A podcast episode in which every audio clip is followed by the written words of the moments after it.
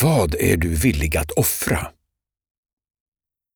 Om du ser dig omkring i ditt liv och kommer fram till att du inte alls är nöjd, att något måste förändras, vad är du då villig att offra för den förändringen?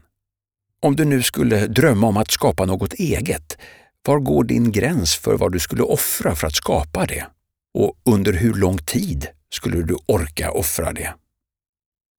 Låt säga att du nu tänker följa din dröm och starta ett projekt som du skissat på och drömt om länge.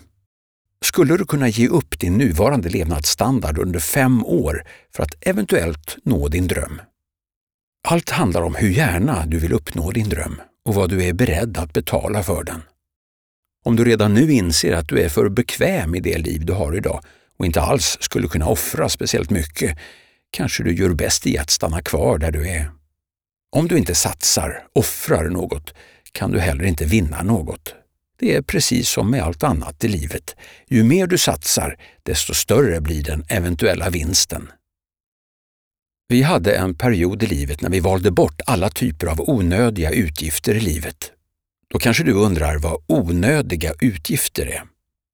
I vår värld handlar det om tidningsprenumerationer, TV, fika med vänner, restaurangbesök, parkeringsavgifter.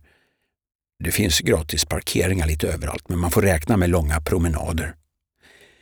Inköp av kläder och skor, shopping i allmänhet, resor, nöjen och de flesta matvaror i traditionella butiker, utom de som ger mycket näring för lite pengar.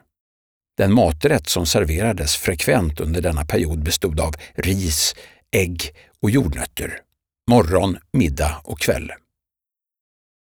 En del verkar tro att framgångsrika människor haft tur eller att alla som lyckats mer eller mindre fått framgång.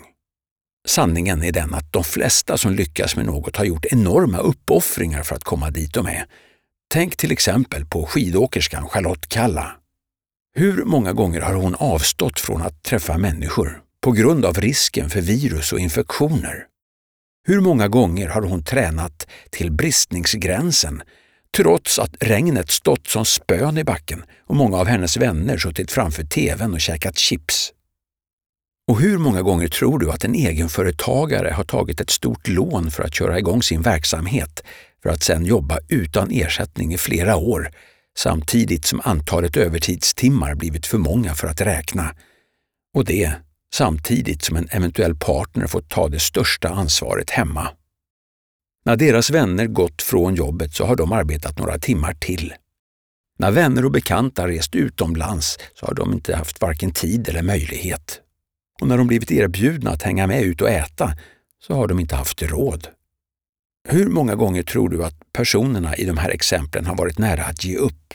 Hur många gånger har de tagit ett nytt beslut att satsa på nytt med ännu mer tid, energi och eventuellt också pengar som de inte har än?